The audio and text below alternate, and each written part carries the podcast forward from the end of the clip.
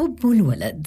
التعبير الشعبي عن المثلية الجنسية يتسبب بسجن فنان عراقي. مقال للصحفية العراقية سنار حسن. انتشر أسلوب الحفلات الغنائية المحلية في المناطق الشعبية في العراق لإحياء المناسبات. وظهرت عبر السنين أصوات مغنين محليين في الشارع العراقي في حفلات الزفاف والنوادي الليلية. يتخذ مغنو هذه الحفلات من تفاصيل وأسلوب الحياة اليومية مادة لكلمات أغانيهم لتندمج مع إيقاع صاخب يتراقص على أنغامها الحضور شيء أشبه بأغاني المهرجانات في مصر لكن بصيغته الشعبية العراقية.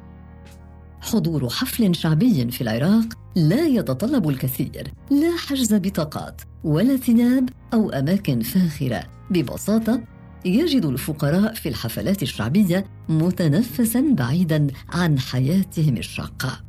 أسلوب هذه الحفلات يحاكي واقع حياتهم ليظهر أحدهم وهو يغني عن انقطاع التيار الكهربائي أو يتخذ من الصمون الخبز كلمات جاهزة وسريعة لتشتهر أغنية صمون عشرة بألف. وقد اشتهر من هذه الحفلات الشعبية عربيا حفلات المصور زهير العطواني التي ذاع صيتها خارج العراق. من بين فناني الحفلات الشعبية العراقية من يحاول التمرد على الدين والمزاج السائد فيبتعد عما هو متعارف من أغاني العشق الغيرية.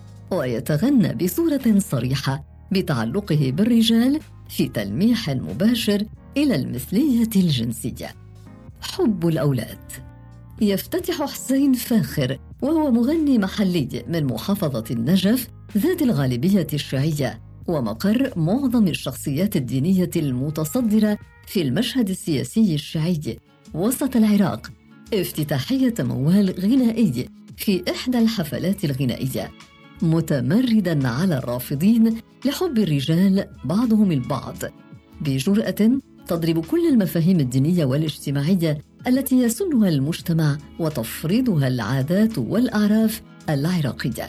فيقول منه اللي قال حب الولد عيب ويذهب بعيدا في إسقاط حب الولد على نبي المسلمين محمد متسائلا عن سبب رفض المجتمع لحب الأولاد الصبيان. فمحمد كان ولدا أيضا وهو محبوب من قبل الرب على حد قوله في الأغنية.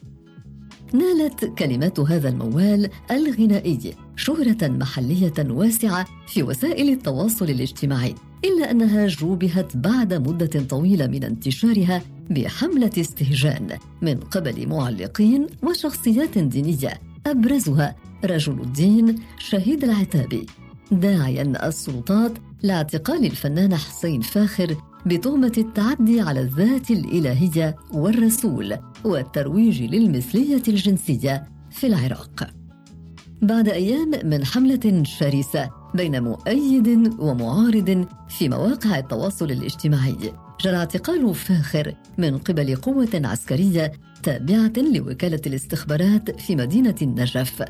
وتم تداول صوره بملابس الاعتقال باللون البرتقالي الذي يحيل إلى جرائم الإرهاب على مواقع التواصل الاجتماعي ووسائل الإعلام.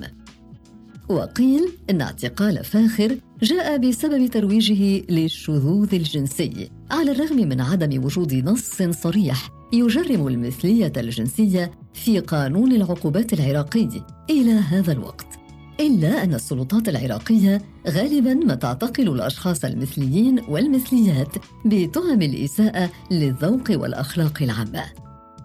قانون حماية المقدسات يجرم قانون العقوبات العراقي بالاستناد إلى نص المادة 215 كل من يسب الذات الإلهية ويتهكم عليها. ويأتي سب وإهانة الأنبياء تحت بند حماية المقدسات. ووفقا للمحامي محمد جمعة من بغداد يواجه المدنون بهذه التهم عقوبة السجن لمدة عشر سنوات وغرامات مالية تتراوح بين عشرة ملايين وخمسين مليون دينار عراقي حوالي 8500 وأربعين ألفا وستمائة دولار أمريكي. وقد انتقدت منظمة Human رايتس ووتش الدولية في وقت سابق هذا القانون بوصفه تقييدا لحرية التعبير ويتم صياغته بناء على رغبات الحكومات لتقييد حرية الأشخاص. فيما رأى ناشطون أن اعتقال فاخر محاولة لتحريك فعلي لمسودة قانون تجريم المثلية الذي طرحه أعضاء اللجنة النيابية في مجلس النواب العراقي مطلع هذا الشهر ولم يتم إقراره حتى هذا الوقت. المثلية الجنسية في التراث الإسلامي لم يكن التراث العربي الإسلامي يخلو من الدعوة صراحة إلى العلاقات المثلية بين الرجال، ولم تكن الأغاني المثلية حديثة على الفن والأدب العراقي. فقد اشتهر فنانون كبار من عشرات السنوات بأغاني الغزل والاشتياق لحب الرجال. أبرزهم الفنان المحلي الراحل سعد الحلي الذي ما زالت الحكايات عن مثليته وأغانيه حاضرة ويتناقلها الجيل الحالي كمثال طريف لدى المجتمع العراقي للإشارة إلى المثلية الجنسية. فيما لم تخلو قصائد الأدب العربي لشعراء من ضمنهم الشاعر المعروف أبو نواس من التغني والتفاخر بالمثلية الجنسية. وقد عاش أبو نواس في فترة الخليفة هارون الرشيد حيث اشتهر بحبه للغلمان وكان يعلن ذلك صراحة ومن أشهر أبياته من قصيدته المعروفة دع عنك لومي من كف ذات حر في زي ذي ذكر لها محبان لوطي وزناء. أو في قصيدة أخرى خذ النساء ودع لي مما يلدن غلاما. شرط المراهق منهم قد قارب الاحتلام. فهل تعتقل الاستخبارات العراقية تمثال أبي نواس الشامخ عند نهر دجلة في بغداد؟ وتلبسه ثيابا برتقالية كما فعلت مع حسين فاخر